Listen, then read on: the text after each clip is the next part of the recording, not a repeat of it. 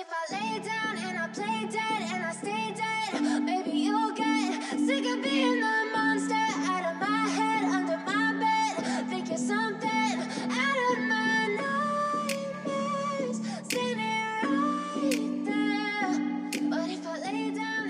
Sziasztok, ez itt a Szellemes Lányok Podcast. Megrögzött olvasó vagy, aki falja a könyveket és nem fél a spoilerektől? Vagy már az is csoda, ha egy év alatt száz oldalt elolvasol? Bármelyik is igaz rád, jó helyen jársz. Szót ejtünk örök kedvencekről, Aktuális olvasmányokról. és mindenféle könyvekhez kapcsolódó témáról. Én Mara vagyok, Én pedig Eszter. vagyis a szellemes lányok. A mai adást a Spirit and Home gyertya manufaktúra támogatta. Szuper szezonális illatok közül tudsz válogatni a honlapjukon.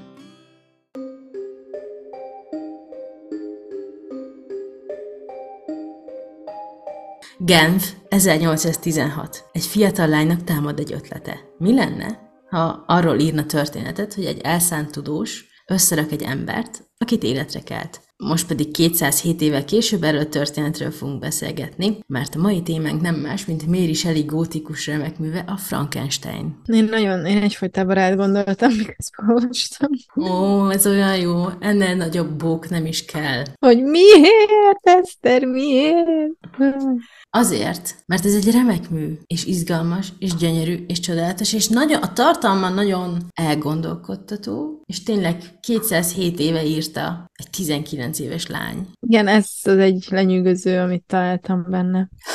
Meg a ennyi? szörny. Meg a szörny. Szerintem túl romanticizált, baromi ömlengős, a feléig unalmas, és ötlettelen, és baromi régi. Ez volt a mentsége, mert hogy régen tudom, hogy másképp gondolkodtak, másképp írtak. Nem ilyen volt, mint ma, csak mai aggyal olvasunk, és pont ezen gondolkodtam, hogy mai aggyal ezeket tudom, hogy nagyon sokan értékelik, és nem azt mondom, hogy nem lehet értékelni, csak néha nagyon nehéz. És ez volt szerintem az én nagy küzdelmem, hogy emiatt, hogy amíg Viktorról olvastunk, azt egyszerűen nem bírtam. Nem fogott, meg nem érdekelt, az ő nyűgjei, meg szíve kicsi gondolatai, meg nem tudom én, nem, nem, egyszerűen nem volt számomra izgalmas, de amint belépett a szörny és elkezdett beszélni, na, akkor innen, onnan már pörögtek a lapok. Addig egyébként fegyvert kellett tartani a fejemhez, hogy én ezt elolvassam, de utána, utána leraktam a fegyvert, már ment magától. Azt hiszem, hogy erre mondta Madács, hogy hibája a koré, mely szülte őt.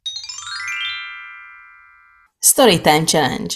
ahol megkíséreljük 60 másodperc alatt összefoglalni, hogy miről szól a könyv. Óra indul. Robert Walton hajós kapitány nővérének küldött levelein keresztül ismerjük meg a történet alapjait. Ő az az ember, aki megmenti a főszereplőnket, dr. Viktor Frankenstein-t a haláltól, legalábbis egy ideig megmenti tőle. A hajón töltött idő alatt Frankenstein megosztja a kapitányjal az életet történetét, mégpedig azt, hogy ő teremtett egy szörnyet, egy, egy teremtményt, a hullák összefércelt darabjaiból, aztán elmenekült, és ennek súlyos következményei lettek. A szörny járkált a világban, magára hagyva, és mégis megtanult beszélni, meg megértette, milyen a társadalom, és viszonylag emberként működött, de nem tudott igazán társas kapcsolatokat kialakítani, elkezdte lemészárolni Frankenstein szereteit, bla bla bla. Végül megtalálja a doktort, és arra kéri, teremtsen neki egy párt, amit megtesz a Frankenstein, de aztán mégse adja oda a teremtményének, és így végül is élet-halál harcot vívnak egymással egészen az északi vidékekig, és igazából ennyi. Na, szóval a történet első felében, mint hogy ezt már említettem, Viktor Frankenstein fiatal koráról tanulmányairól olvashatunk. Ezek nem túl izgalmasak, de érdemes kitartani, hiszen utána elérkezünk oda, hogy a tanulmány és a tudás, ami még mindig kielégíthetetlen, és valahogy nem derül ki, hogy hogy, megalkotja a szörnyet, emberi darabokból összerakva. Ettől egyébként annyira elborzad, hogy belebetegszik hetekig beteg, a szörny közben eltűnik, és ő így teljesen megnyugszik, hogy akkor itt most minden rendben van. Majd évek telnek el, és közben Viktor öccsét meggyilkolják. Ezért hazatér Genfbe, ahol rájön, hogy a szörny közelebb van, mint gondolná.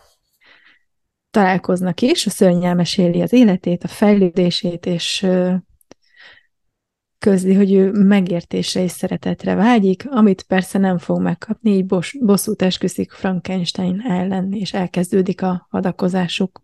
Ennyi. Az az érdekes számomra, hogy ugyanúgy kezdted, mint a Drakulát, mégpedig, hogy dögunalmas az eleje. Hát de most én tehetek róla. Nem, nem. Lájkoljuk. Minden, amit szerettünk a könyvben. Kedvenc karakter? Mert nem a Viktor. Hát nem. Azon gondolkodom, hogy igazából legyen a, az, az lesz a válaszom, igen, kitaláltam között, hogy a könyv egy adott részéig nekem a szörny a kedvenc karakterem. Aha. Uh-huh.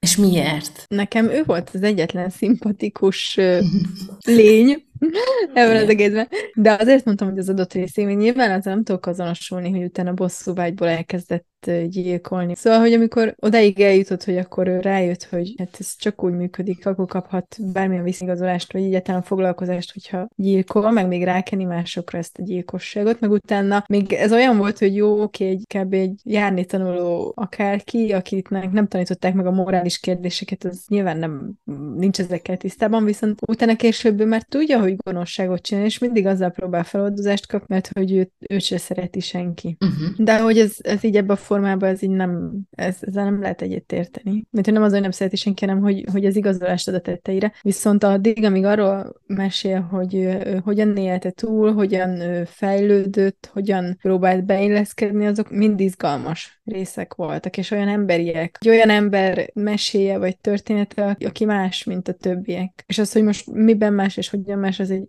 másik dolog. De hogy ezek ilyen nagyon érdekes és fájó dolgok voltak. Én nagyon szomorú voltam, amikor ezt olvastam. Ó. Nagyon sajnáltam szegénykét. Hát jó, egyébként egyetértek veled, mert nagyon sokat gondolkodtam én is, hogy vajon ki lehet a kedvenc karakterem. Eleve nagyon sok karaktert amúgy nem kapunk. Én hajlok afelé, hogy amúgy nincs kedvenc karakterem, de a szörny, én jobban szeretem teremtménynek hívni, de igen, a teremtmény karaktere az elég Creature. creature, mint a, mint a, a házi manó, a, angolul a sipor, ő creature egyébként angolul a Harry Potterben. Szóval ki tudja, honnan jött. Úgyhogy nekem is a teremtmény, azt hiszem, vagy nincs, ezt ezen még vívódok. Még egy életen át vívódok majd ezen. Szerintem ez a könyv gyönyörűen van megírva. Míves mondatai vannak, de nincs túlírva, én nem érzem a szövegen, és szinte minden fejezetből lenne mit idézni. Úgy egyben van. Hát És- én erről már elmondtam, amit gondolok, úgyhogy igen. nem... Nem, nem kell reagálni, csak hogy én nekem ez egy like pont, mert szerintem kiváló alkotás. Jó, most nyilván igen, megbeszéltük. Abban a korban kell tekinteni, amikor ezt írták. Nem kell versenyeztetni akár egy Hát Harry persze, csak Potterrel. igen, ezek, a, amit neked tetszett, hogy míves mondatok, nekem az már ilyen túl, túlzó volt. Én szerettem, hogy Henry Clerval, aki kb. az egyetlen barátja volt Viktornak, Igen. ő romantikus lovagregényeket olvasott, például Artúr király történeteit. Igen, azt én is fölírtam, Na. hogy, hogy könyv a könyvben, meg sztori a sztoriban, hogy egyrészt Artus és a kerekkezte lovagjait megemlítették a történetben, illetve ugye a bölcsek kövét is, ami majd a szörny vagy a teremtmény kapcsán jön elő, viszont nyilván mindenki tudja, hogy Harry Potterre is lehet asszociálni, és ezek tetszettek. Én nagyon szerettem, hogy Genfbe helyezte a történetet Méri, már csak Mérinek hívom, mert hát igazából Barátnőd. ja, spanok vagyunk. Szóval hát ott született a történet ötlete, és ez tetszett nekem, hogy akkor helyileg is ott fog játszódni, és én szerettem a leírásokat, én nem éreztem, hogy sok volt Genf leírása, vagy lehet, hogy átugrotta a tekintetem. De a lényeg, a lényeg, a lényeg, hogy szerintem tök jó, hogy így hagyott nyomot a regényben az, hogy hol született az ötlet. Igen, mondjuk a sztori elején nagyon sokat utazott Viktor anyja és apja. Uh-huh. Kellett egy kis idő, mire újra letelepedtek Genfben. Azért ott elég sok utazás is volt. Sőt, az egészben amúgy nagyon sok utazás volt. Nekem az az egyik kedvenc pontom, hogy Viktor és Klárával is nagyon sokat utazik. Hát ugye az ember kedvet kap világot látni. Meg hogy ők igazából hajóval, lovaskocsival, a mai nézőszemmel ilyen puritán utazóeszközökkel mentek, és hogy mindenhova eljutottak, ahova akartak. Tartott, ameddig tartott. Hát Senki igen. nem sértett sehova. De figyelj, abban a korban külön öltözékek voltak csak utazáshoz is. Ha el akartál valahol jutni, akkor nagyon el kellett akarni, mert nem volt olyan egyszerű. Nem tudom hogy elképzelni, csak utazóruhákat úgy külön tárolunk csak utazásra, vagy utazóruhákat csak utazásra tárolunk. Lenne egy ládám. Ja, egy utazóládád. Igen, amiben az utazó ruháimat tartom. Hmm, egy újabb dekorációs elem, felrakom az IKEA-s wishlistre. Utazó láda? utazóláda. Nekem tetszett, hogy most úgy volt, hogy angol hangos könyvként hallgattam, és a a magyar könyvbe, megkerestem megfelelő helyet, amit ki akarok emelni, és beposztíteztem, de hogy most végre először egyszer angolul végighallgattam. És így feltűnt, hogy a szörny egy picit máshogy használja a nyelvet, mint a kortársai. Nem abban az értelemben, hogy döcögősebb, abban is, de azt a magyar fordításban is le volt írva. Azt hiszem Gönc Árpád fordítást olvastam. Igen. Legalábbis hát az van meg, én szerintem igen. Hogy egy döcögősebben, kicsit reszelősebb hangon beszél, nem olyan természetesen és szépen, mint amúgy, ha ember lenne. De az angolban meg azt lehetett benne érezni, hogy amiből megtanulta a nyelvet, azok régebbi kor művei, ahhoz képest, ahol amúgy játszódik a dolog. Tehát majdnem egy ilyen kicsit Shakespeare-i angolt beszélt, az amúgy 1800-as évek angoljához képest is. Ez tök izgi volt, így hallani. Mint hogy te, mint Petőfitől tanulnád meg ma a magyart. Igen, lehet, hogy néznének egy páran. Ez egy-egy szóhasználat, vagy azért, mert ritka szót használ, vagy, vagy egy Vagy szófordulat. olyat, ami már nem. Szerintem e- ezt nagyon, ó, imádtam. Annyira jól esett. És ez nyilván abból jött, hogy amúgy ő Miltont és Gültét olvasott, és jó, hát először csak a madarak hangját próbálta meg utánozni, tehát úgy, úgy indult az egész, de én azt is imádtam. Ahogy felfedezi a világot, ahogy a tüzet, a gyertyát, ami meghosszabbítja a nappalt, vagy... Ah, szerintem a világ megismeréséről egy kitűnő alkotás. Igen. Ha már a teremtménynél tartunk, én mindig mondjuk szörnyként hivatkozok rá, hiszen valahol az egy szörnyű teremtmény. Gyönyörű volt. Szegény. Jó. Hát én egyébként szimpatizáltam vele, és én baromira sajnáltam, és leginkább talán azért, mert ezek a tipikus meg nem értett kategória. Mhm. És ezeket ilyen nagyon nehezen tudom megemészteni, ez kb. nem jó hasonlat lesz, de például amit akkor a King Kong filmet én nem bírom végignézni. Ó, azt én. Sajnálom a majmot, vagy, vagy semmilyen ilyesmit nem bírok végignézni, ahol a mások szerint van az szerintem cuki szörnyet bántják, mert hogy ő más, vagy erősebb, vagy csúnyább, vagy tök mindegy, de Mhm. hogy nem szeretem az ilyeneket, úgyhogy én nem nézek ilyesmiket, mert csak megszakad a szívem, és végig sírom az egészet, hogy szegény. Úgyhogy inkább megkívelem magam, és nem, nem nézek ilyeneket. Úgyhogy itt egy kicsit ugyanezt éltem át, hogy én nagyon sajnáltam. Ez tök érdekes, Ezt hogy az ez egészet- kiváltotta belőled ugyanezt az empátiát. Mert egyrészt most nagyon sok mindenbe bele lehetne menni, de például a szörny ugye egyrészt, hogy nem kérte ezt az egészet, amiben belekerült, Mhm. de megkapta. Akkor ugye eltaszította a Viktor, mi- amiről ő nem tehet, és nem is értette. Nyilván ott a másik, hogy elborzott, de hogy ha most csak a szörny fejével gondolkodunk, akkor egyrészt, hogy kitaszították, akkor ugye nincs helye a világban, mert nincs senki olyan, mint ő.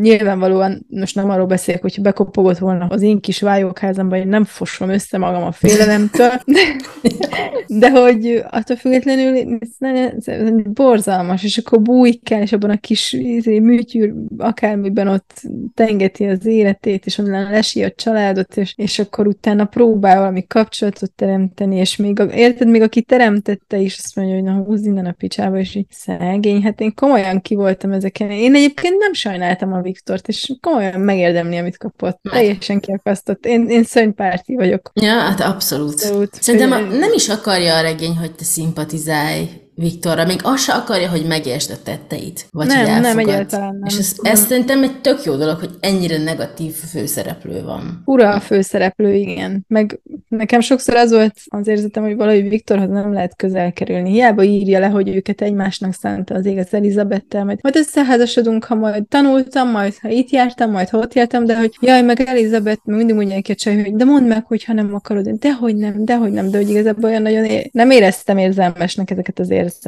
Ő nem Mégis- volt egy érzelmes ember. Nem, de Ő hogy... tudomány embere. Igen, nagyon fura volt az egész. De hogy közben meg amit csinált, azt meg megcsinálta, és utána meg ő is elborzott, meg belebetegedett, ahhoz meg nem volt gyomra. Szóval bizonyos értelemben előre tudott lépni, és bizonyos értelemben meg nem, és ez ilyen nagyon kettős volt. De amire ki akartam lyukadni, mert nagyon hosszú, az, hogy, hogy igazából ami még nekem tetszett, az az, hogy milyen képességet kapott maga a teremtmény. Az nagyon érdekes volt, amikor így leírta, hogy amúgy ő észrevette, hogy neki kevesebb ö, étel is elég, meg teljesen uh-huh. más milyenek, ahogy ezt ugye ő felfedezte magának, mert hogy ugye élelemhez se jutott szegényként mind. És akkor, hogy ő nagyon bírja a nagyon meleget, vagy a nagyon hideget, meg sokkal gyorsabb, sokkal erősebb, és hogy ezek, ezek a képességek így Igen. jó pluszt adtak. Ez érdekes, hogy ez miből fogadhat már, mint nyilván ennek semmi köze Frankensteinhez. Tehát ezt nem ő rakta bele. Ő csak összevart hullákdarabjait összevarta, és hip-hop valami szerkezet segítségével életre keltette. Később mindig ugye emlegetik, hogy a galvanizációs áram, de hogy ez amúgy a könyvben nem volt igazán kifejtve, egyszer csak így életre kelt. Jó. Nem, igen, igen, mondjuk ezt egy kicsit nehezményeztem, mert hogy mindig egy tipikusan, hogy ez a könyv ennek az ősatja, vagy mit tudom én, de hogy igazából abban a könyvben sosincs szó semmi ilyesmiről, és egyébként Igen. ebből a szempontból megértem, mert Mary Shelley, meg nem úgymond egy tudományos agy, hogy ő most ezt levezesse nekünk, hogy valóban hogy született, mert egyébként meg az összes olyan vonatkozású Frankenstein film, vagy Va- Van Helsing, vagy bármi, ott meg állandóan ugye van az őrült tudós, aki leláncolva tart egy szegény teremtményt, és árammal próbálja ott életre kelteni, és mindig ezt látjuk. És akkor itt meg vártam, hogy nem mondom, mi van, még és egyszer csak össze volt, és egyszer csak már túl Na jó, de- vagyunk rajta, és mondom, hogy kihagytam valamit, vagy Mm. tűnt? De figyelj, 1816-ban írta, akkor ez még egy annyira kezdetleges dolog volt, hogy ez leírhatatlan. Én Aztán az előszóban írtam még, hogy Percy és Lord Byron beszélgettek a galvanizációról, és onnan jött az ötlet, tehát hogy ez még csak olyan, mint hogyha mi az 5G-ről beszélgetnénk, nem tudjuk elképzelni, mert csak hallottuk, hogy létezik. És akkor valamit így, jó, akkor majd azzal életre keltünk egy androidot, de hogy ez hogy? Majd Jó, ez az egyébként hozzáteszem, hogy nem hiányzott a történetből ez a tudományos ö, háttere nélkül is működött, mert maga, amire kihegyezte, az működött így, és az mellékes volt, hogy hogy jött létre. Csak azt gondoltam, hogy érdekes, hogy a filmek, meg egyéb történetek, azok meg mindig arra hegyezik ki, hogy amúgy ez az egész hogy történt. Igen, hát az a látványos, úgyhogy valahol megértem. Filmben az a látványos, hogy It's alive! It's alive! Értem. Csak ez a 31-es filmben van. csú, csú. Hmm, szóval szerencsétlen teremtmény. Igen, igen, az tulajdonságánál tartottunk, hogy igen, hogy kapott egy csomó érdekes dolgot úgy a teremtőtől, de az ő teremtője az, az Frankenstein és Fűs nem tőle. Szóval érdekes, hogy hogy alakultak ki ezek a dolgok. Hát valószínűleg úgy, hogy már alapból halott volt. Hát igen, tehát ő nem egy élő lény volt, ő egy mozgó meg- lény volt, de nem... Igazából kellett neki ez a sok ellenálló képesség, mert úgy, mint egy madárfióka ki volt rakva, és vagy rájött a dologra, vagy nem. Hát igen, ez egy nagyon jó hasonlat, ez a madárfióka. A szegénykém. Hát szerintem ő olyan volt. Én úgy megsajnáltam, amikor már az elején írja, hogy ott feküdt a hidegben, meg minden, Jó. nem hiszem el, mondom, nem bírom. Igen. Felfedezte a tüzet végre, aztán nem tudta, hogy megégette rögtön. Igen, azt szerintem nem tudott elmenni, mert a tűz ott volt. Igen, hogy vigye elment, magával. Bátor Ah. volt. Imádtam, imádtam. Nagyon szerettem, hogy megfogalmazta egyszer a boldogság alapjait, hogy szerintem mi az. Mert amikor figyelte a családot, ott a tanyánál lakott a fészerben, akkor jött, hogy hát ezek hogy lehetnek ennyire boldogtalanok? Mindenük megvan az, ami kellhet az élethez. Van egy gyönyörű házuk, van tűzük, van ennivalójuk, ott vannak egymásnak, mint társaság, beszélgetnek, és ez neki nincsen neki a teremtménynek, de hogy ennyi, szerintem ennyi kell az élethez. És nyilván aztán Annyira rájött. egyszerű igények. Igen, ez a Maslow piramis legalja. És aztán rájött, hogy a szegénység, mint olyan, az így létezik, és tényleg úgy tanult, mint egy gyerek, és szerintem ez tök érdekes volt látni, hogy, hogy milyen szépen felépítette ezt az én mérim, hogy, hogy, hogy tényleg onnantól kezdve, hogy felfedez a tüzet, és az, hogy az meleg, és hogy be kell takaróznod, odáig, hogy Milton meg Goethe-t olvasol. És pont a tinikor környékén volt az, hogy úgy döntött, hogy a teremtőit levadázta. A dühös tinikor. Nekem tetszett igazából Viktor egyetlen jó része szerintem ez az egyetemi élet volt. És az nagyon tetszett, hogy itt ilyen nagyon lazának tűnt ez az egész tanulmány, meg nem az, hogy nincsenek elvárások, hanem az, hogy hát én most elmennék tanulni, ide akarok menni, ehhez a tanárhoz, és akkor megfogja magát, és oda megy is ahhoz a tanárhoz. És akkor tanul, hogy ez milyen laza, vagy milyen érdekes, hogy ez Igen, ez egyet nem volt még kreditrendszer, meg fél évek. nem, meg- nem, nem, mert oda akart menni, oda ment, oké, és így, és mit tanulsz? Hát most csak ez érdekel, és akkor most csak azt, és akkor évekig csak azzal elbíbelődgetett, és így oké, hogy Igen, ez ez nagyon volt. érdekes, igen. De legalább kiválasztottad tényleg, ami érdekli, és az adott témakör szakembereitől tanulhatod. Bár ha nincsenek alapjaid, akkor hogy? Vagy lehet már elvégzett Nagyon, egy igen. B-ját, csak nem tudjuk. Hát megkérdezték, hogy és miket tanultál eddig, és elmondta, hogy ezeket, és akkor kirögték, ha, ha, ha, ha, hát ezek már ezer éve lejártak. Ja, nyilván. És akkor igen, mert hogy az otthoni tanulmányok, de nyilván, hát ez egy nagyon érdekes világ lehetett. A mű keletkezésének történetét ide a lájkajukba írtam, mert én lájkoltam. Ez egy nagyon izgi dolog. Nem csak a könyv izgi, hanem hogy hogyan jött létre az is. Mert hogy ez egy ilyen kultúrpercek lesz, így egy kis kultúrmorzsa. 1815-ben kitört a Tambora nevű vulkán, ami a mai Indonézia területén található, és elképesztő mennyiségű cucc került emiatt a légkörbe. Kőtörmelék, vulkáni hamu, minden ilyen fincsi cucc, és ez totál megborította az éghajlatot. A hatása jóformán az egész bolygón érezhető volt. Ami így a hétköznapi ember szempontjából meghatározó volt, az az, hogy a mezőgazdaság nagyon megsínlette, és milliók éheztek emiatt, mert hogy nem igazán volt napfény, mert a légkör telített volt, és nem jutottak be a napsugarak. És 1816 úgy vonult be a történelembe, mint az év, amikor nem volt nyár. És ezen a bizonyos nem létező nyáron született meg a Frankenstein. Mary, a szerző, Szóval Mary Percy, aki még akkor nem volt Mary férje, de együtt voltak, plusz Mary mostolt testvére Claire úgy döntött, hogy elutazik a Genfi tóhoz nyaralni a nem létező nyáron. Mert hogy Claire-nek viszonya volt Lord Byronnal, aki oda tartott nyaralni. Úgyhogy a Shelleyék összeszedték magukat és elindultak Svájcba, és Lord Byron is. Claire-nek már nem, tehát ők már nem voltak együtt egyébként, de gondolom a társaság miatt elviselte az exét Lord Byron. És azt kell, hogy mondjam, hogy Byron tudott élni, mert hogy egy hintón érkezett, ami Napóleon hintájának tökéletes mása volt. Azért ez szerintem nagyon durva. Amiért ezt mindenképpen bele akartam rakni, azért, mert nem csak annyi, hogy megérkezett egy királyi császári hintóval, hanem hozott magával egy rakás inast, hozta a magán orvosát, John Polidorit, aki szintén írni fog ezen a bizonyos nyáron, és hozott még magával, és ezt figyeld Mara, egy kutyát, egy pulykát és egy majmot. Még azt hittem, én viszek túl sok cuccot magammal a nyaralásra, de... De a pulyka már túlzás, igen. Puly- Én is érzem.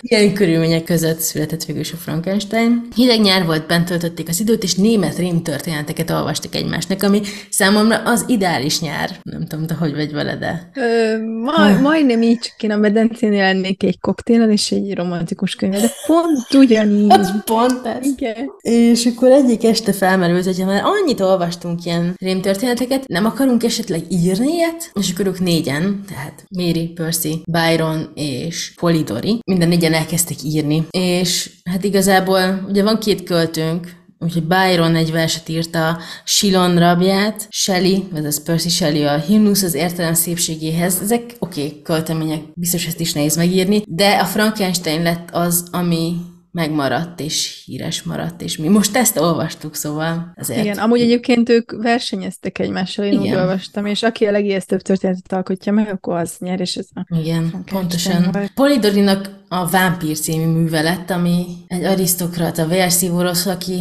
kísértetésen hasonlít Lord Byronra. Ennyi jár, azt hiszem. Ez nekem megvan, de még nem olvastam ezt a 60 oldalt. Úgyhogy ez volt a nyár, annak a bizonyos nyár nélküli évnek a nyara, amikor ez a csodálatos mű megszületett. Én nagyon És örülök. még csak 19 éves 19 volt. volt, úristen. És nagyon fontos, ha már kultúrperceknél vagyunk, hogy Wednesday Adams őt szeretné lehagyni. Mert neki még van ideje a 19. Tényleg? évig, és ha megírja előbb a regényt, akkor megelőzheti Méri Mondjuk, amiket Wednesday ír, az közel sincs ehhez, de oké, okay, oké, okay, Csajci, próbálkozz. Annyit akartam, hogy találkozjuk végén, hogy hát rengeteg adaptáció van. Én néztem egy listát, 44-nél megálltam, hogy jó, akkor jó. Nagyon népszerű. Szerintem azért a Igen. Dracula után egy, egy nagyon következő népszerű Határozottan, igen. Én egy-egyet lát, a 31-es filmet láttam, meg volt egy, amit Kenneth Branagh rendezett, azt hiszem 94-es lehetett. Relatív újat láttam. A- Igen? Csak a színész, nem Christopher Lambert, hogy hogy hívják? Lehet. 2014-es. Ott relatív jó képű, nyilván vannak varratok, de ilyen nagyon finoman, attól függetlenül ugye azért úgy nincs elcsúfítva. Uh-huh. És ott már ez a meg nem értett szexi szörnyszerű. Mm, egy fokkal Én jobb, mi? Küldök egy képet, figyeld, azért erre- ezt nem mondanád azt, hogy jaj, szörny, menj már innen, menj már. Na figyelj. Figyelek, az átcsoportba bedobjuk majd a képet. Szóval, hogy na. Jó, hát igen, a kockás hasra eddig nem gondoltam. De hogy ez, ez egy jó film volt, és itt De. egy szuper erős, és meg felveszi a harcot, meg mit tudom én, ez, ez tetszett. De és itt meg azt hiszem, hogy valami egyház is benne van, és ezekkel ellen De a figyelj! szárnyas vámpírszerű izék ellen harcol. Szóval, De várj, ez nem Aaron Eckhart? Ez nem Christopher Lambert. Na mindegy. Christopher Lambertet ír. Ne De- viccelj. De hát ez nem az a fej. Mi az, hogy nem az a fej? 2014. Uh-huh. Én Frankenstein. Igen, állj, Frankenstein. Hát ez Aaron Eckhart. Aaron És Eckhart. Ádám miért- néven. Edem. Igen. Igen, mert hogy az Ezt az ő választotta magának. Jó, én ezt nem láttam. Christopher? Christopher a hegylakó volt. De az Aaron Eckhart. Igen. IMDb-ztek már addig már nem bírom. Én azt mondanám, hogy könyvhöz leghűbb Frankenstein ábrázolás a Penny Dreadful című sorozatban van, ahol maga a doktor egy ilyen kis emókajak, aki lövi magát, brilliáns, és egy hullaházba dolgozik. És a teremtmény pedig, talán a teremtmény az, aki amúgy el szokott torzulni jobban szó szerint és képletesen is a filmekben. Itt eléggé hű a könyvhöz, sápadbőrű, varratos az arca, nem olyan magas, mint a könyvben írják, tehát azért ember méretű, hosszú fekete haja van, és itt Kalibánnak nevezi magát, ami Shakespeare viharjából van, mert a félig, el, félig ember, félig szörny karakter. Vagy John Clare néven is futott a filmben, szóval itt már van neve, aminek nagyon örültem. És állnak ki fémpöckök a Nem, fejéből? nem. Az, én nem fura. az, az, nem ott a 31-es filmnél ezt kitalálták, hogy jobban szemléltessék, vagy nem tudom, de én, én őt mindig egy ember, kicsit nagyobbnak, mint az ember, de mindig ember, csúnya embernek képzeltem. Úgyhogy a Penny Dreadful-ot ott jól ábrázolják mind a doktort, mind a teremtményt. És hogyha valaki kicsit jobban szeretne Mary Shelley-vel foglalkozni, akkor van egy 2017-es Mary Shelley című film, és az kurva jó. Én azt már láttam, hogy 50-szer. Azt hiszem Al Fanning játsza Mary-t, és Percy-t pedig Douglas Booth. És nem tudom, ki játsza Byron, de zseniális. Úgyhogy azt mindenképpen, ha valaki bele akar kicsit mérni, nézze meg. Ezt most mindenki írja fel. Jó csávó veszély. Ahol kiválasztjuk a történet legvonzóbb pasiait. Szóval igen, nincs jó csávó, de mégis viszont Viktor Frankenstein nevezhetjük jó csávónak a korai éveiben. Elizabeth nagyon oda meg vissza van érte, és talán el is képzelhetjük, hogy jó képű, mert írták, hogy szép vonásai vannak, meg, meg csinos. Később, amikor már úgy elkapják az idegrohamok, meg mindenféle lelkiismereti probléma, akkor már ugye beteges és vékony, úgyhogy akkor valószínűleg már nem volt az, de mondjuk legyen az, hogy Viktor a korai éveiben. Ó, milyen szép gondolat, de sajnos komoly problémák vannak benne. Úgyhogy tudom, hogy ez egy vizuális jó csávó veszély, de hogy megebb azt van a csávó van, hogy Hát nyilván most nem a lelkében, most, most csak ránéztél egy fényképre, és megállapítottad, hogy hát jó, legyen, legyen Viktor, legyen. de amúgy igen, kéne a halálnak kb.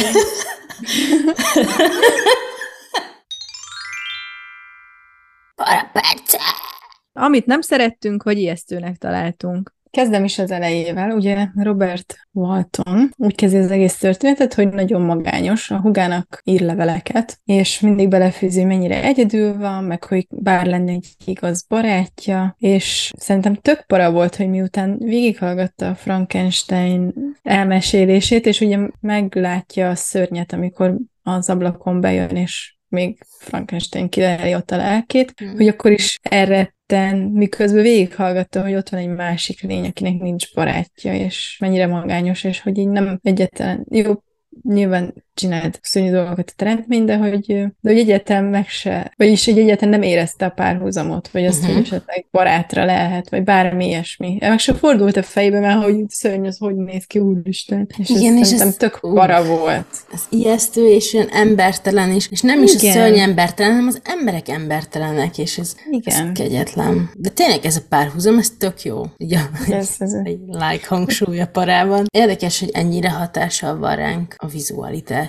Igen, de ez valahogy most is ugyanúgy van, hogy a szép emberek lesznek modellek, érvényesülnek. Szóval, hogy ez, ez mindig így volt, és mindig így lesz, és valahol bármilyen egyenjogúság, meg bármilyen elfogadó PC love világban élünk, akkor is ezek a dolgok nem, valahogy nem változnak úgy igazán. Hát igen, tök ijesztő. Igazából ebben csak az a para, hogy tényleg végighallgatta a történetét, Robert, a szörny történetét. Igen. És úgy, hogy ugye végül is Viktor tolmácsolta azt, amit a szörny mondott, tehát megértette a belső lelki világát. És azt is tudta pontosan, hogy néz ki, mert Viktor azt is elmesélte neki, tehát igazából minden információ birtokában volt. És így is képtelen a pici agyával ezt így a félelmeit kontrollálni. Ez szomorú. De ami számomra nagyon para volt, az, az elején, hogy Elizabetet úgy nevezték, mint Viktor ajándéka. Mert hogy Elizabeth ugye nem versenyt gyereke Nem, volt nem, nem, a Frankenstein családnak, hanem egy szegény sorból jött lány, akit magukhoz vettek, hogy felneveljék, és... De igazából nem szegény sorból jött, hanem egy gazdag családból. Hát csak igen, jó. bekerült a szegény sorba, majd Viktor szülei kiemelték. Akkor mert amikor, már nem volt fra- amielőtt Frankensteinhez jutott, ő már egy szegény lány volt, akkor így fogalmazom. Igen. Vagy úgy mondták, hogy hát hoztunk Viktornak egy ajándékot, majd megkapja, és ez Elizabeth volt, és így annyira rémisztő volt, hogy tárgyként utaltak rá, hogy a hideg végigfutott a hátamon. Később is abszolút Viktor tulajdonoként kezelték. Csak Igen, ugye- azt egyébként én, nekem is ez a következő parapontom, hogy Elizabeth és Viktor eleve elrendelt házassága, hogy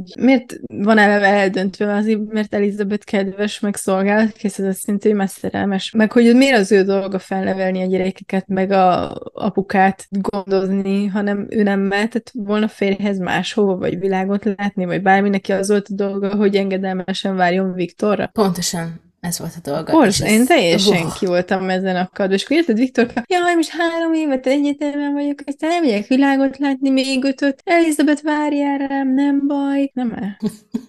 Borzalmas volt. Mondjuk azt, hogy a korra ez jellemző, szerintem ott még azért ez bőven Igen, ez 18, biztos. 16, ez, és azt nem tudom, hogy ezt tudatosan úgy írta bele Méri, hogy... Tehát, hogy vagy, tehát az, a, az a kérdés merült fel bennem, hogy vajon a szerző ezt úgy gondolta, hogy nem is gondolta, csak leírta, mert ez a nők szerepe, vagy hogy tudatosan építette bele, és mutatott egy ilyen amúgy nem túl kellemes példát. De közben, ha a nők ehhez szoktak hozzá, akkor ez nekik nem De példa. Ez, ez nem volt nem kellemes példa, mert ez egy alap volt. Mm. Ebben igazából nem volt semmi, tök kedves volt Elizabeth, tökre Igen. várta, hogy összeházasodjanak. Viktor is amúgy kedves volt, csak neki az volt a dolga, hogy a tudománynak szentelje magát. Szóval, hogy szerintem nem volt benne ilyen él, hogy ez nem kedves, hiszen Méri is fiatalon ment férjhez, és, és ez akkor tök alap volt, hogy ez így működik. Úgyhogy szerintem ő ezt ilyen romantikus nyálnak gondolta ide, Ah, erre nem is gondoltam. Hogy ez ilyen, ez ilyen nagyon romi egymásra találtak már gyerekkorukban, és hogy azóta is Elizabeth otthon vár, szíve csordultig érzelmekkel, és Viktor iránt. És Viktor neked cseszik levelet írni neki. Hát ő meg férfi, és el van foglalva. Ő hát a igen. fehér, De szerintem, keresztény, európai konkvisztádor, aki előtt nyitva a Az. világ. és szerintem ez a romantikus szála volt a sztorinak. Ah, nagyon sok kivetni való van ebben a könyvben, de így szuper. De azért örülök, hogy elmondtad. Jó hallani. Hát ez azért, mert ez egy tök jó könyv, szerintem nem jelenti azt, hogy nincsenek hibái. Csak szerintem formai hibái nincsenek. Tehát, hogy mint mű, tényleg alkotás és művészet. Az, hogy problematikus, amiről szól, hát mutass egy gótikus történetet, ami nem rasszista, vagy nőgyűlölő, vagy... Tehát, Igen, szerintem eh, kezdek rájönni, hogy a gótikus sztorik azok az én bajaim igazából. Mm, nekem meg a romantikus. Nem vagyok egy gótikus személy. Én, én áldozok az oltáron, ha ez múlik, akkor elolvasom, ha, ha ezzel eleget teltek annak, hogy elolvasunk egy kedvenc könyvedet, meg Mm. ilyesmi. De ugyanúgy, hogy te is áldozol azon az oltáron, én is. Attól még nem jelenti azt, hogy nem véreztetjük ki ezen az oltáron a művet, de általában Az egy más kérdés, ha már odatoltad arra az oltárra a kés alá, Hát jó. róla. Szóval már sokszor említettem, de hogy nekem tényleg nagyon para volt, hogy mindenki baromi kedves volt, mindenki mindenki szívének oly kedves, és, és olyan szeretetteljes üzeneteket váltottak, és ha ott voltak, akkor olyan édesen beszélgettek, és szerintem ez már túl sok volt, de pont valahol talán ez volt az ellentét annak, hogy a szörnyel meg senki. De hogy egyébként mindenki mindenkivel mindig kedves volt, szóval nekem az ilyen nagyon-nagyon mesés volt. Hát, Nekem ez egy kicsit igen, ez jogos. volt.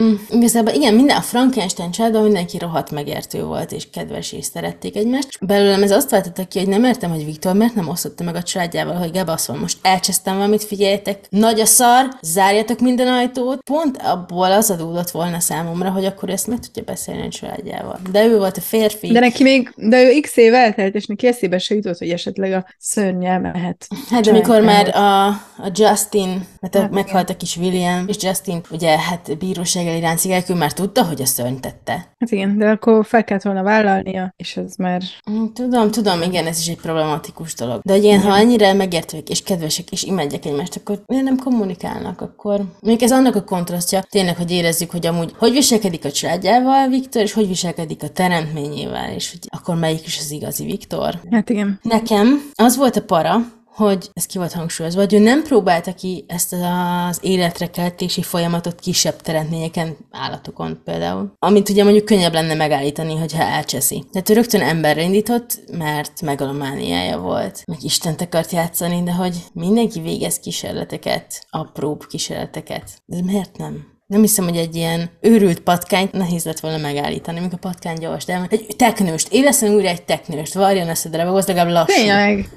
Lehet, hogy akkor már gyors lett volna. De mivel kezded egy nyolc láb magas férfival? De egy gyors, egy gyors, viszonylag gyors teknős is még lassú, egy emberi gyorsaságtól gyorsabb férfi hoz képest. Szóval engem ez felháborított, hogy oké, okay, hogy ő a tudós elme, és csak az érdekli, hogy mi van, mi van az emberben, vagy mitől ember az ember, meg hogy lehet összerakni, de az nem úgy működik, hogy rögtön a vadra lősz hanem az is a tudományos lét és a tudományos agynak az ismerve, hogy te felépíted a dolgokat és kísérletezel. Hát igen, mondjuk azért nagyon kíváncsi lennék, hogy ezekből a tudományos művekből, amiket olvasott, hogy jött rá erre, hogy ez... Jó, hát ez, ez, ez, ez, ez, a, ez a fantasy rész, vagy hát tehát sci-fi. Ha már a férfi szörny, akkor szerintem baromi para volt, hogy már egyetlen felmerült a lehetősége, meg végül is elég sokáig el is jutott Viktor abba, hogy megteremtse a női szörnyet, uh-huh. teremtményt. Ez nagyon para, egyszerűen tök undorító volt, hogy már végül is kész volt, és akkor ott össze szabdalta az asztalon, meg... Igen. Szóval, hogy már az is, hogy megcsinálta, aztán mégse. Meg, hát nem is tudom, hogy fogalmazzam meg, de hogy igazából érthető, hogy a teremtmény magányos volt. Ezt értem, és azt is értem, hogy miért kérte ezt, viszont attól függetlenül baromi para, hogy akart még egyet, hogy még, még egy ilyen lény legyen a Földön, és én nem is tudom, hogy abban lett volna a jó döntés, hogy ezt tényleg érdemes létrehozni, vagy nem, mert hogy pro-kontra ott voltak az érvek. Hm. Mégis Viktor nem akarta, ő csak belement egy ideig azért, hogy nyugalom legyen. Igen, de nem akarta, de közben meg mégis majdnem ott volt a küszöbön, hogy igen, megcsinálja. És akkor megint elkezdett morális kérdéseket boncolgatni, vajon mi lesz, meg vajon hogy lesz. Én, én ebbe azt éreztem, hogy ő időnként, például ott, mikor a szörny megkért arra, hogy adjon neki egy társat, akkor végül is, ahogy megbeszélték, meg is érvelt a teremtmény, hogy miért kéne ez neki, meg hogy elbújdosunk Dél-Amerikába, úgy de jó lett Dél-Amerika erdeiben, na mindegy. Szóval elbújdosunk, és, és nem lát többet minket ember, és végül is meggyőzte Viktort arról, mint két értelmes lény meggyőzték egymást, hogy oké, okay, ez működhet, és akkor néha ő, mikor, mikor Istent játszik, meg ugye elengedi magát, akkor jön rá, hogy amúgy ezt én teremtettem, úgyhogy nem, mert ő parancsoljon nekem, ő nem ember, neki nincs szüksége társa, akkor így széttépem a szeme láttára. Tehát ez számomra az, amikor ő így, mint a libikó kezdik, hogy most a szörny, a teremtménye az egy ember, akinek emberi igényei vannak, társas igényei vannak, vagy ezt én teremtettem egy mesterséges valami, és ezért én döntök a sorsáról, és nincs, nem kell neki semmi olyan, ami egy embernek kell. És ezt a billegést éreztem folyamatosan köztük. És ha volt ideig beszélgetni, akkor úgy elkezdett Viktorba felszagodozni valami, hogy hát ez tényleg ez olyan, mint én, nem feltétlenül pont úgy, de hogy igen, ő is egy ember. És mikor egyedül volt, akkor ezt tudta elnyomni magában. És ezt gyűlöltem egyébként számomra ultra para volt, hogy úgy rakta össze a teremtményét, hogy halott emberek darabjaiból. Jó, most nem azt mondom, hogy gyártson művégtagokat, még de hogy sír, sírokat rabolt, meg úgynevezett csontházakat fosztott ki emiatt. De amúgy nem igaz, hogy nem talált egy friss sírt, ahonnan konkrétan ja, egy konkrétan ember felébredt. Hát igen, ezen is gondoltam, hogy miért kell összerakni minden különböző darabot, de lehet, hogy ezért, mert nem volt akkor a táska, hogy egy egész embert kicsempészten, és akkor most elhozok egy fejet, holnap elhozok egy jokkart, holnap egy balt, Hm. Szerintem az, hogy nem tudta, hogy szállítani. Logisztika. Igen, az IKEA szét tudná szedni, és adna egy használati utasítást az összerakáshoz. Volt régen egy novella, azt hiszem Robert Louis Stevenson, aki a Jekyll és Hyde-ot írta, neki volt a Sírrablók, gondolom ez volt a címe. Na, az ultra para volt. Úgy érezni lehetett, hogy ez amúgy tényleg egy idézőbe bevett mesterség volt, mert hogy az orvosi egyetemek hallgatóinak szüksége volt az anatómiához testekre, de ez nem volt egy legális dolog. Főleg, hogy még egy nagyon durván vagy inkább, hogy egy nagyon erősen vallásos világról beszélünk, mindegy, hogy ez most anglikán, ez most katolikus, ez református, ez zsidó, tök mindegy, de hogy a, a testhez még mindig vallási dolgok kötöttek, ezért ez a megszentségtelenítése volt, hogy valaki felboncolják egy asztalon. Úgyhogy ez ahhoz végül is, hogy az orvostudomány kialakuljon, és ahol most, hogy ott tartson, ahol most, ahhoz sírrablókra volt szükség. Aminek ijesztőbb gondolatot amúgy nem tudtam volna most kinyomni magamból. Nekem az utolsó parám, igazából a szörny, nekem szörny marad. Néha nekem is az. Kezdeti élete, hogy, hogy igazából amikor ugye beszéltünk róla, hogy megébredt a világra, mennyire magányos volt, hogy ez, ez rettentő para ennyire egyedül, vagy mindig erre erről egyébként a Bambi jutott eszembe. Ó, Szegény Bambi egyedül maradt, és aztán segítettek neki a nyuszikák meg a borzok, de hogy amúgy totál egyedül volt, és nem értett semmit, és még a tűz is kiütött az erdőbe is.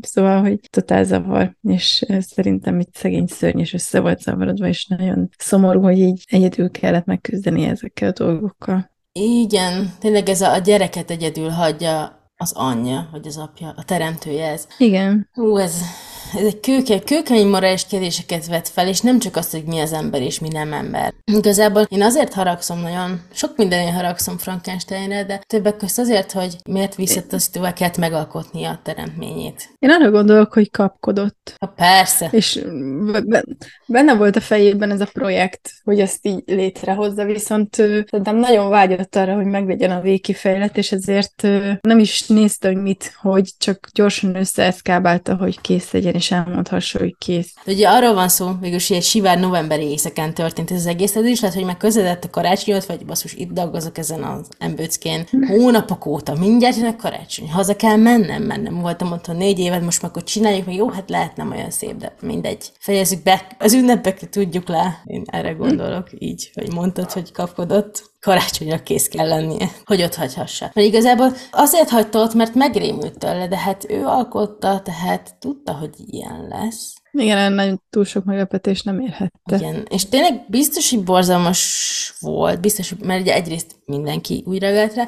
másrészt, hogy egyszer meglátta a saját tükörképét a teremtmény egy folyóban, tóban, Tóban, víz felszínen tükröződött, és tényleg úgy volt, hogy úristen, hát ez borzalmas. És erről eszembe jutott egy H.P. Lovecraft novella, a kívülálló. Nem felt az, hogy valaki élt magányosan, nem tudom hol, és így Ment, ment, amíg végre rátelt egy házra, azt hiszem este volt, és bá volt bent, anélkül, hogy sok ember volt bent, és ő bemászott a párkányon, ablakon, bekúszott, és azt vett észre, hogy ilyen rémült arcok, minden most mindenki visít, és úristen, most mi történik, és megy, megy nézni, hogy mi lehet a rémület forrás, és egyszer csak meglátja tükröződni magát, és ő is megérti, úristen, ki ez a borzalmas lény, és aztán hát rájön, hogy ő maga. Kicsit. Nyilván Lovecraftot, tehát Lovecraft olvasott Shelley-t, ebbe biztos vagyok. De hogy igen, ez a szörny, amikor tudatosul benne, hogy ő más, mint a többi. Mert egyébként az ember nem gondolna, amíg nincs a társadalom visszajelzés, hogy te csúnya vagy, nem gondolod magadról, hogy csúnya vagy. Igen. És ez olyan, annyira lehangoló, hogy ez mind benne van.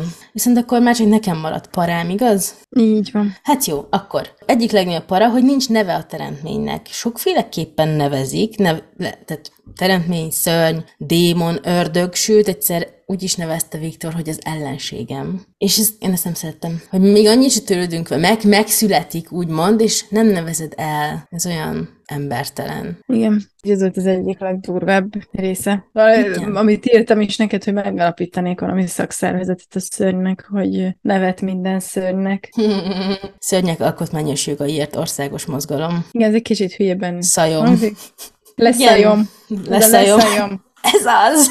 Én arra gondoltam, hogy hát a nevet végül is a kerességgel kapjuk. Azzal, hogy az Isten bárányaival lépünk elő. És hogy Legalábbis régebben. Hát de most ebből a korról beszélek, nem ma már. Ma már mindent lehet. De hogy ekkor még a kerességbe kapták a nevet. És hogy az, hogy ő egy ilyen mesterséges teremtmény, ami nem Istentől született, ezért ő egy ilyen áldatlan dolog, ami a kerességen kívüli, tehát nem kaphat nevet, mert ő nem, ő nem az, mint az ember. Szóval szerintem ezért nincs neve. Hm, Ez logikus. Meg mert Viktor egy genyó.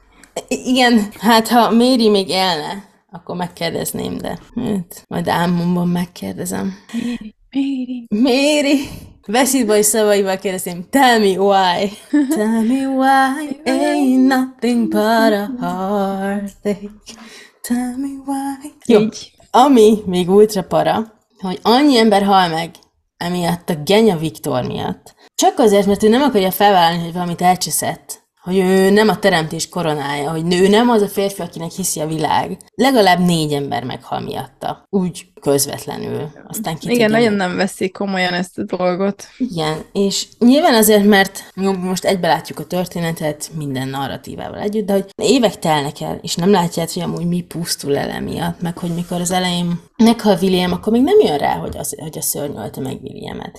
Akkor már, amikor a Justin tárgyalása volt, akit végül kivégeztek, amiatt mert azt hitték, hogy ő ölte meg a gyereket, az is az ő lelkén szárad. Elizabeth halála, vagy Henry halála, ez mind, ez mind közvetlenül Igen, de egyébként már Harrynél azért voltak sejtései, hogy itt valami lesz. Mondjuk Persze. az pont véletlen, hogy Harry ott volt, de Elizabethnél már elkönyvelhető volt, hogy te hülye, ha hazamész, és most ezt a csajt feleségül veszed, akkor tudja, hogy megöli. És, Effektíve közölte össze, hogy ott leszek veled a nász éjszakádon. és ennek ellenére megpróbálta. És ott hagyta a szobába érdekes. Elizabetet, hát ez az ember szerintem érdekes para, mert maga a történet para, de hogy az egész regény a születésnek a megszállottja. Hogy azt mondta azt, hogy, hogy Ádámodnak kéne lennem, mégis Lucifer leszek, nem ez volt szó szerint, az Ádámodnak kéne lennem, az benne volt. Tehát tényleg, hogy így a teremtés, és hogy ki teremthet, és hogy igazából nyilván a nők teremtenek biológiailag, és arra gondoltam, hogy hát azért szerencsétlen Méri Shelley-nek annyi gyereke meghalt, és simán lehet, hogy egy kicsit rápörgött erre a születéskedésre, és hogy ki ez a szülő, aki képes életben tartani a gyerekét. És azt hiszem egy, egy gyerekük élte meg a felnőtt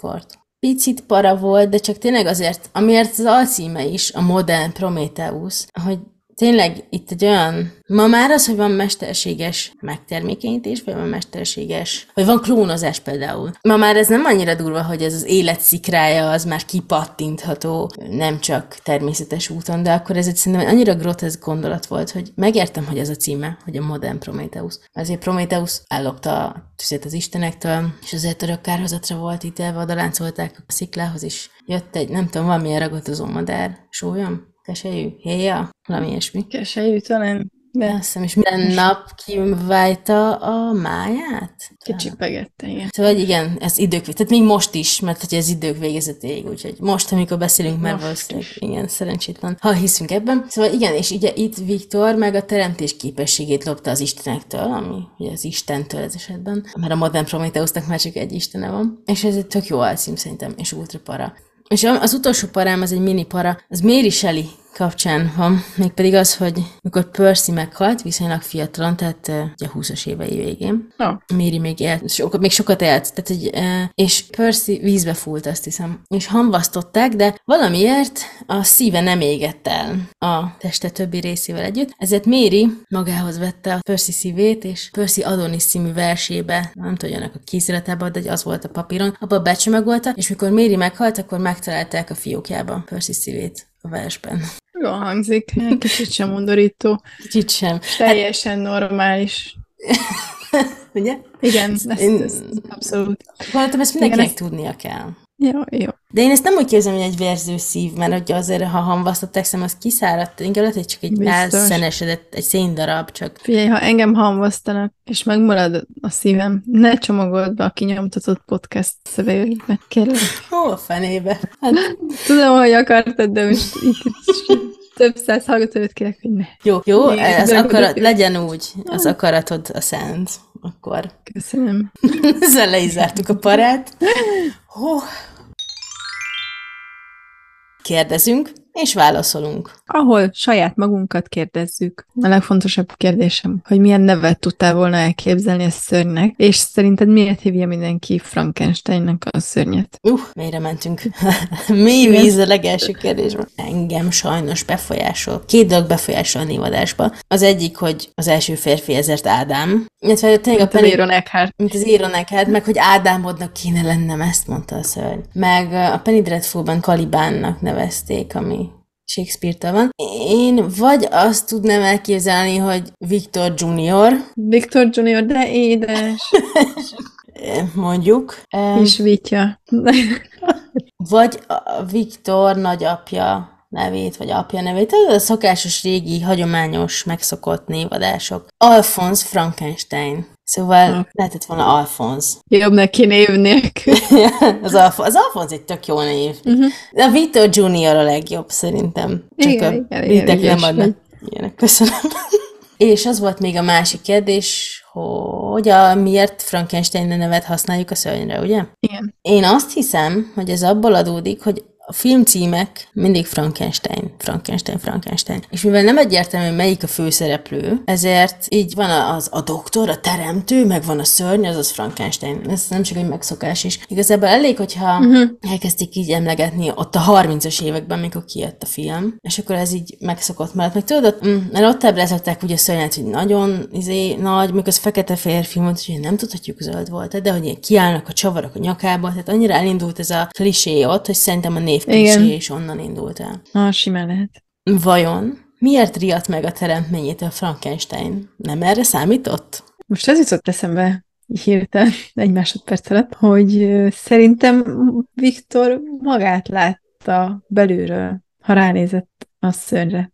Ó, Ez az elmés gondolatom támad, hogy valószínűleg ő, ő volt ilyen belül képletesen. mint a szörny. Mint a szörny csúf, igen. Hogy belül ő Csúf és csúf. rettenetes. Belül ő csúf és rettenetes, és nem vállalja föl a hibáit, és nem számol a következményekkel, és ő behunja a szemét, és mindenért más hibáztat, de magát nem. Mhm. És ez csúnya, csúnya dolog. Hmm, ez érdekes. Hogy, hmm, hmm. Tudom, hogy volt egy kis leírás a sztoriban, hogy fekete haj, meg pergamenszerű múmia kéz, meg mit tudom én, de hogy te úgy milyennek képzelted el ezt a szörnyet? Hogy képzelted el így az egész megjelenését? Érdekes, mert ha én rá gondolok, nekem mindig kimarad, hogy ő ilyen, hogy ilyen cafatokban van összevarva az arca. Tehát, hogy ahogy mindig az ábrázásban az van, hogy látni a varrásnyomokat, az nálam mindig kimarad. Én egy, én egy kicsit foltos bőrűnek képzelem, mint amikor az éhezők viadal végén Katniss új bört kap, és akkor itt-ott vérzik meg idén, de hogy összeilleszgették. Szóval nem látom ezeket a klasszikus rajzfilmes sebb helyeket, hanem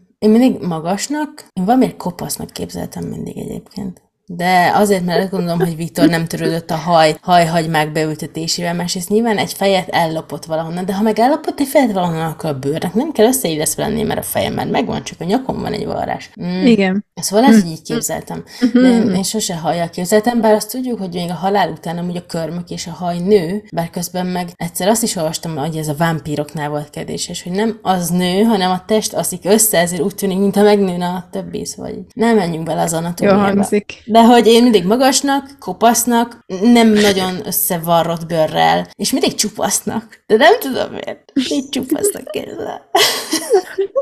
Ádám kosztümben képzelem. Hát köszönöm, ez egy szép kép. És te hogy képzeled? Egyébként nem, nem képzeltem el ilyen ö, szürke, meg ö, barna pergamen színnek, hanem ilyen normális emberi színek Igen. képzeltem, viszont a haját azt rövid fekete hajnak képzeltem, és ö, a fogait mondjuk sárgának, meg a szemeit is ilyen vizenyősnek, kicsit ijesztőbb legyen. És akkor nekem ott jöttek az érdekesség, hogy ruhába volt, de hogy mondjuk a teste az ilyen fura volt, hogy mondjuk a melkasa aránytalanul nagy volt, aztán jött egy kisebb testből összerakott has, és akkor ilyen furán dudorodott, valami ilyesminek képzeltem amúgy, Abszolút torznak. hogy hogy abszolút aránytalan, igen, uh-huh. igen. Meg még, még talán az is volt a gondolatom, hogy esetleg Frankenstein azért úgy elsiklott az emberi anatómia felett, és ő azért megnövelgette itt-ott a szörnyet, hogy attól lett ilyen magas, meg nagy, hogy Mhm. esetleg több felkarból csinált neki felkart, meg mit tudom én, több combból combot, és akkor hogy ilyetől lett ő ilyen, és én valahogy így képzeltem el, hogy minden testrészei meg van duplázva, vagy növelve. Ha igazán férfi alkotta volna, akkor hatalmas farka lenne. Lehet, hogy azon. Bár nem tudom, mire jó neki szegénynek, de Semmire nincs vérkeringése, úgyhogy sokat nem tud használni. akkor minek kellett neki pár, tök mindegy.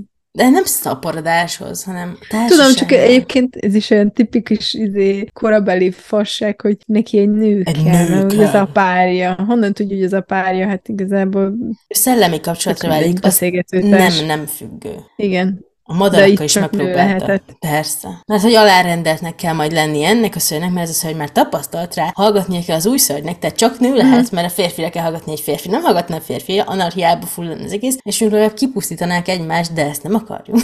szóval nőnek kell lennie. Szerinted a teremtmény halhatatlan? Értem ezt a természetes emberi halálra, nem arra, hogy sebezhetetlen. Nem, szerintem abszolút ö, halhatatlan. Én ö, ezekben a filmadaptációkból azt szűrtem le, hogy amúgy a filmekben is az. De úgy úgy gondolom, hogy igen, hogy van az életének kezdete, de vége nincsen. Uh-huh. Mert végül is már egy halott test. Hát igen, igen. Szóval, hogy rá nem érvényesek ugyanazok a hatások, nem fog megöregedni, nem, Nem, nem lesz éhen beteg, halni. nem fog éhen halni, nem fog megfagyni, megsülni. Szóval, hogy ő, ő amíg világ a világ létezik. Ó, Hát ez elég ijesztő. Szerinted, ha Méri megírta volna, akkor hogy írta volna meg azt, hogy hogy, hogy hozta létre Viktor a lényt? Az életre keltés részt? Nem Igen, a érdekelt. Nem a varogatást, ezt tudom képzelni. Mindannyian. Akik kipróbálták technika órán a pelenka öltést, azok tudják az alapjait. Pelenka öltés hússal. Új. Beszéljünk valami jobbról. Na, Méri. Méri, drága. Mm, tekintve, hogy a Modern Prometheus alcímet adta neki, tehát az Istentől lopott képességet, ezért nem vagyok biztos benne, hogy ő kitalálta pontosan, meg, hogy kell megtörténnie, hiszen a teremtést se tudjuk megmagyarázni, és ugye vannak teremtés, és vannak evolúcióhívők, vitatkozunk egymással, de hogy igazából nem tudjuk azt a pontot, ahogy lett az ember. Tehát szerintem ezt ő se határozta meg. Az elektromosság az azért egy jött be, mert tényleg annak a kornak volt az új ideája, és az új, az új tudomány, és ugye a békacombok rázkódtak haláluk után, mert a galváni kísérletei, azt hiszem békacombokat, izé, az idegeit, azokat birizgálta, hogy azok még mocorognak, úgyhogy, de sose volt az, hogy utána az létezett és működött. Tehát ez, ez egy fantasy volt, ez egy skifi volt abban a korban, ez a történet. Ma már egy lassú gótikus regény, de hogy nem hiszem, hogy Méri ezt kitalálta. Azt tudom, hogy ő nem. De te? Hogy én hogy keltettem volna életre a kor tudásával? Igen, mondjuk legyen ez, variáljunk egy kicsit. Azt tudom, hogy Méri nem találta ki, de valahogy Viktor mégiscsak megtette, szóval... Hát de az, hogy ez ett, ettől skifi, hogy ni- nincs meg az a pont, egyszer csak megtörténhet. Ez, Hát de most az a összevarok egy szörnyet, és fölötte állok, attól még nem történik semmi. Nem, nem, tehát meg az benne volt egy szerkezet, csak nem tudjuk milyen szerkezetről van szó. Tehát, hogy Mm. elektromos, nem elektromos. Nehéz, mert ugye eleve az, hogy az ember mi, hogy test és lélek, és amúgy az izmok mozgatnak, és van vérkeringésünk, és van egy gerinc Például a gerincet is gyönyörűen illesztenie kellett volna, ha azt akarta volna, hogy ez működjön, és az idegek Hát is meg az menjenek. idegeket, igen. hogy- Gondolom nem idegsebésznek tanult. Hát nem, Viktor, ők csak kapkodott, meg karácsonyra kész kellett lenni. Őszintén szóval nem tudok erre választ. Jó kérdés, de válaszom nincs. Hát jó. Lehet Méri kipróbálta Lord Byron morfiumát. A teremtmény kérte, hogy Frankenstein adjon neki társat, és megígérte, hogy ha ez meg lesz, elbújdosnak Dél-Amerika erdejébe, sose látja őket többet ember a Földön. Viktor bele is ment, de ugye végül meggondolta magát, és az egyik indoka az volt, hogy Úristen, mi lesz, ha ezek majd szaporodnak, és tele lesz a világ ilyen teremtményekkel. A kérdésem az, hogy nem tudta volna úgy összerakni a csajszit, hogy az ne legyen termékeny? De az előbb beszéltük meg, hogy valószínűleg a szörny sem volt Uh-huh, ö, szaporodásra alkalmas, szóval szerintem a hullanén is se lett volna szaporodásra alkalmas. Hulla néni. igen, igen, szerintem sem. De közben meg, ha a Jurassic Parkba indulunk ki, azóta tudjuk, hogy az élet utat tör. Meg Nem- igazából nem tudom, hogy ha nekik viszont lett volna gyerekük, az miért lett volna teljes egészében ember, hiszen emberekből Igen, annak ki kell készül. fejlődni, az nem egy ilyen összefércelt valami lett volna. Igen, szóval, hogy az úgy, hogy ilyen teremtményekre tele a világ, az kötői túlzás, mert, Mert hogy ez egy ember. mert hogy ez egy ember. Szerintem az csak így erre ő nem gondolt a szerző, Uh-huh. és csak így leírta, hogy ő így képzelni el, hogy ilyen kis människa. Så alltså att férce gyerekek mászkálnak, de igazából hogy mászkálnak, hát ez nem így működik. Meg hogy egyébként nem azért, de hogy, hogy Viktornak eszébe se jutott egy szeretét visszahozni, mikor a kezébe volt az élet kulcsa. Csak ilyen fércelt hullákkal játszadozott, de mondjuk az Elizabetet nem jutott volna eszébe feltámasztani. Mert rájött, hogy ez már nem az az ember, mint a Harry Potterbe a kővel, mikor hiába éleszti fel Hát szeretet. de rájött, hogy nem az az ember, mikor összerakott egy 30 emberből egyet. Igen, ő- de az se, ő ezt nem emberként rakta össze, ő csak szimplán nő nélkül akart szülni. Megmutatva, hogy a férfi mindenre alkalmas a Hmm. világon. Szerinted ki a szörny? A teremtő, vagy akit teremtett? Mm, mm, mm. A kérdés megérkezett. Én azt gondolom, hogy Viktor úgy szörnyeteg, ahogy van, mert a tudományból talán egy csomó embert feláldoz, egyébként végül önmagát is, ha úgy veszük, és nem, nem számol azzal, hogy mi lesz a világgal, hogyha ő a nagy elméjét, a nagy éles elméjét kimaxolja itt, szóval az empatia teljes hiánya, az azért szörnyetegé tesz. És ráadásul ezt megcsinálja, és magára hagyja azt a teremtményt, nem vállalva a felelősséget minden tettéért, úgyhogy ő úgy, ahogy van egy szörnyeteg. De a teremtmény az úgy, ahogy mindannyiunk ártatlanként született, és őt a társadalom és az emberiség rontja meg, és így lesz belőle szörny, mint mindannyiunkat. De akkor a válasz végül is a kérdésedre az, hogy Viktor szerintem egy szörnyeteg, a szörnynek viszont voltak jó pillanatai. És végül is a teremtő és a világ tette végül szörnyé. De belegondolsz, amikor Viktor meghal, akkor a szörny összeomlik, és ott zokog a teremtője teste felett. Mindig egy érzőlény maradt Viktornak, sose volt érzőlény. Igen, ezt akartam, hogy szerintem a szörny az érzelmesebb volt, mint... Igen. Hát mert ő nem csak anatómia könyveket lapozgatott, hanem Gőtét olvasott. Ezt teszi a kultúra. Olvassatok. Édes, ez egy kicsit olyan ö, negatív le. Ugorjunk! Szerinted, hogyha ez a történet ma játszódna, akkor a világ és a szereplők máshogy reagálnának a teremtményre? Nem, már ha csak a Quasimodo példáját vesszük elő, aki Az is ma. azért Semmi baj. jó, de régebbi Franciaországban játszódik, de hogy, de hogy ott is ugye, jó, mondjuk őt a végén elfogadják, de ez egy Disney mese. De az élet nem egy Victor Disney mese. Jó, igen, de most a, most a Disney meséről beszélek. Mert most tudtam volna. az édesem. De, de, de hogy ö, szerintem nem vagyunk, nem leszünk soha erre felkészültek, és soha nem fogunk elfogadni igazából semmit, mint ami más, mint mi. Uff, Én így érzem. uff, ez egy nagyon erős végszó itt a kérdezünk és válaszoló. Tudom, tudom, és sajnálom, De- és biztos, hogy sokan nem értenek egyet, de szerintem valahol mindig ez a konklúzió, hogy, hogy aki, aki már, tudom, hogy most már nagy elfogadás van, meg minden, de valahol mégis aki másonnak sokkal többet kell küzdenie, meg kiemelkednie, hogy ugyanazt elérje, mint egy hagyományos kinézetű embernek, szóval szerintem Mm. valahol ez szomorú, de nem tudom, ilyen a társadalom. Szomorú, és ez van. Mi lett volna, ha? Feltételezések és rajongói elméletek hada. Szerinted mi lett volna, ha Viktor Junior kap egy párt? Ahogy megismertem a szörnyet, vagy a teremtményt, vagy hív, hogy jól esik, démon, ördög. Ahogy megismertük a teremtményt, én azt gondolom, hogy amúgy ő tartotta volna a szavát. Tehát ha ő azt mondja, hogy mi elbújdokolunk, és többi ember minket nem lát, akkor többi ember őket nem látta volna. Mert annyira még nem volt benne a társadalomban, hogy rájöjjön, hogy mi az a hazugság, és hogy ez egy eszköz, hogy elérd, amiket akarsz. Én azt gondolom, hogy még nem volt benne az emberi ravasság, szóval ő nem hazudott. És ők éltek volna az idők végezetéig, kolumbiai erdőkben, miközben Prometheus máját csipkedi egy keselyű. Tehát én azt mondom, hogy szerintem ő betartotta volna a szavát, és, és, és ezt tett volna. Nem tudtak volna szaporodni, ketten maradtak volna, Hát részben egyetértek amúgy. de De hogy amikor ugye mondta, hogy szeretne egy párt, akkor megsajnáltam, és ó, milyen jó lenne, de aztán megmondtam, ó, ez nem biztos, hogy olyan előnyös, de mindegy. De igazából ugyanazok a kételyek fogalmazottak meg bennem, mint Viktorban, hogy lehet, hogy maga a szörny nem tud hazudni, viszont nincs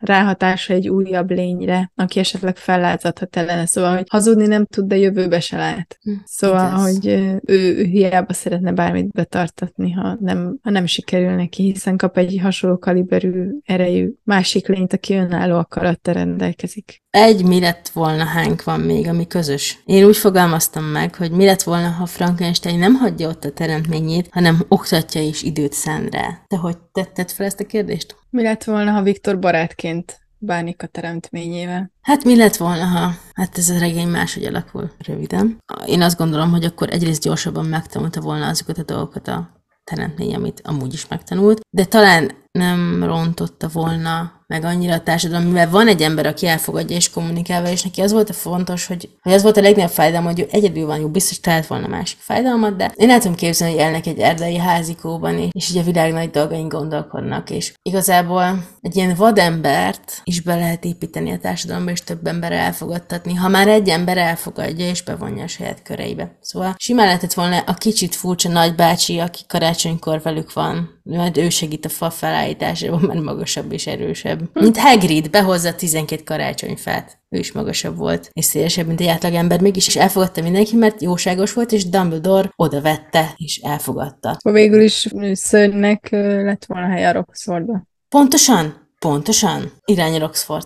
Én szerintem, ha valóban ö, sajátjaként tekint rá, akkor elmegy vele egy távoli vidékre, ahol, ahol más nem találhat rájuk, és életre neveli a teremtményt, hogyha ő majd nem lesz, akkor ő képes legyen elrejtőzni és élni az emberek között. És Viktor feláldozta volna az életét abban a szempontból, hogy soha nem megy többet haza. Hm. De élnek a szerettei most még És a csomó. tudom, és élnének a szerettei, ő a tudománynak szenteli az életét, hiszen megalkodott egy lényt, aki ért felelősséggel tartozik. Hm. Ez lenne az én vagyámom. Egyébként mi a felének csinálta meg ezt az egészet? Tudom azért, mert lehet és képes volt rá, de mi Igen. volt a terve vele, hogy, hogy majd akkor, ha feléld, akkor ő fog a konyhán dolgozni, vagy ő lesz az asszisztensem, megtanulom fecskendőt használni, vagy mi? Mit gondolt? Szerintem semmi nem volt. Értékeljünk a három kategória közül, polcra vele könyvtár vagy e-könyv, számodra melyikbe tartozik ez a mű? Nekem megvan, úgyhogy polcon, de egyébként én kibírtam volna a könyvtárral is. De a te példányod nagyon tetszik, azt elfogadnám a polcra, az enyém az a Ritz Karanda, úgyhogy ezt el fogom dúni valahova, mert rémiesztő. Nekem polcra vele, abszolút. Több nyelven is, gótikus, remek mű, időnként elő kell venni olvasni is. Én is imádom egyébként az én példányomat. Az a Móra kiadónak a klasszikus sorozatában van, és tényleg rohadt jól néz ki, úgyhogy polcra vele. Ha kérdésed van, vagy szeretnél megosztani velünk valamit, akkor írd nekünk a szellemeslányok kukasgmail.com-ra. Lájkold a Facebook oldalunkat, a Yellowback magazint, ahol további könyves érdekességeket találsz. Illetve elindult a Szellemes Lányok ultra titkos könyvklub a Facebookon, csatlakozz! Ha nem tudsz betelni velünk, akkor a TikTokon Szellemes Lányok néven is megtalálsz minket. Ha tetszett a rész, oszd meg a barátaiddal. Ha szeretnél támogatni minket a patreon.com per Szellemes Lányok podcast oldalon megteheted. És természetesen ma is a Spirit and Home gyertyáit égettük adás közben. Legközelebb a Herceg és én című könyvről lesz szó. Tarts velünk! Két hét múlva jövünk, addig is dobjál mindent, és kezdj el olvasni.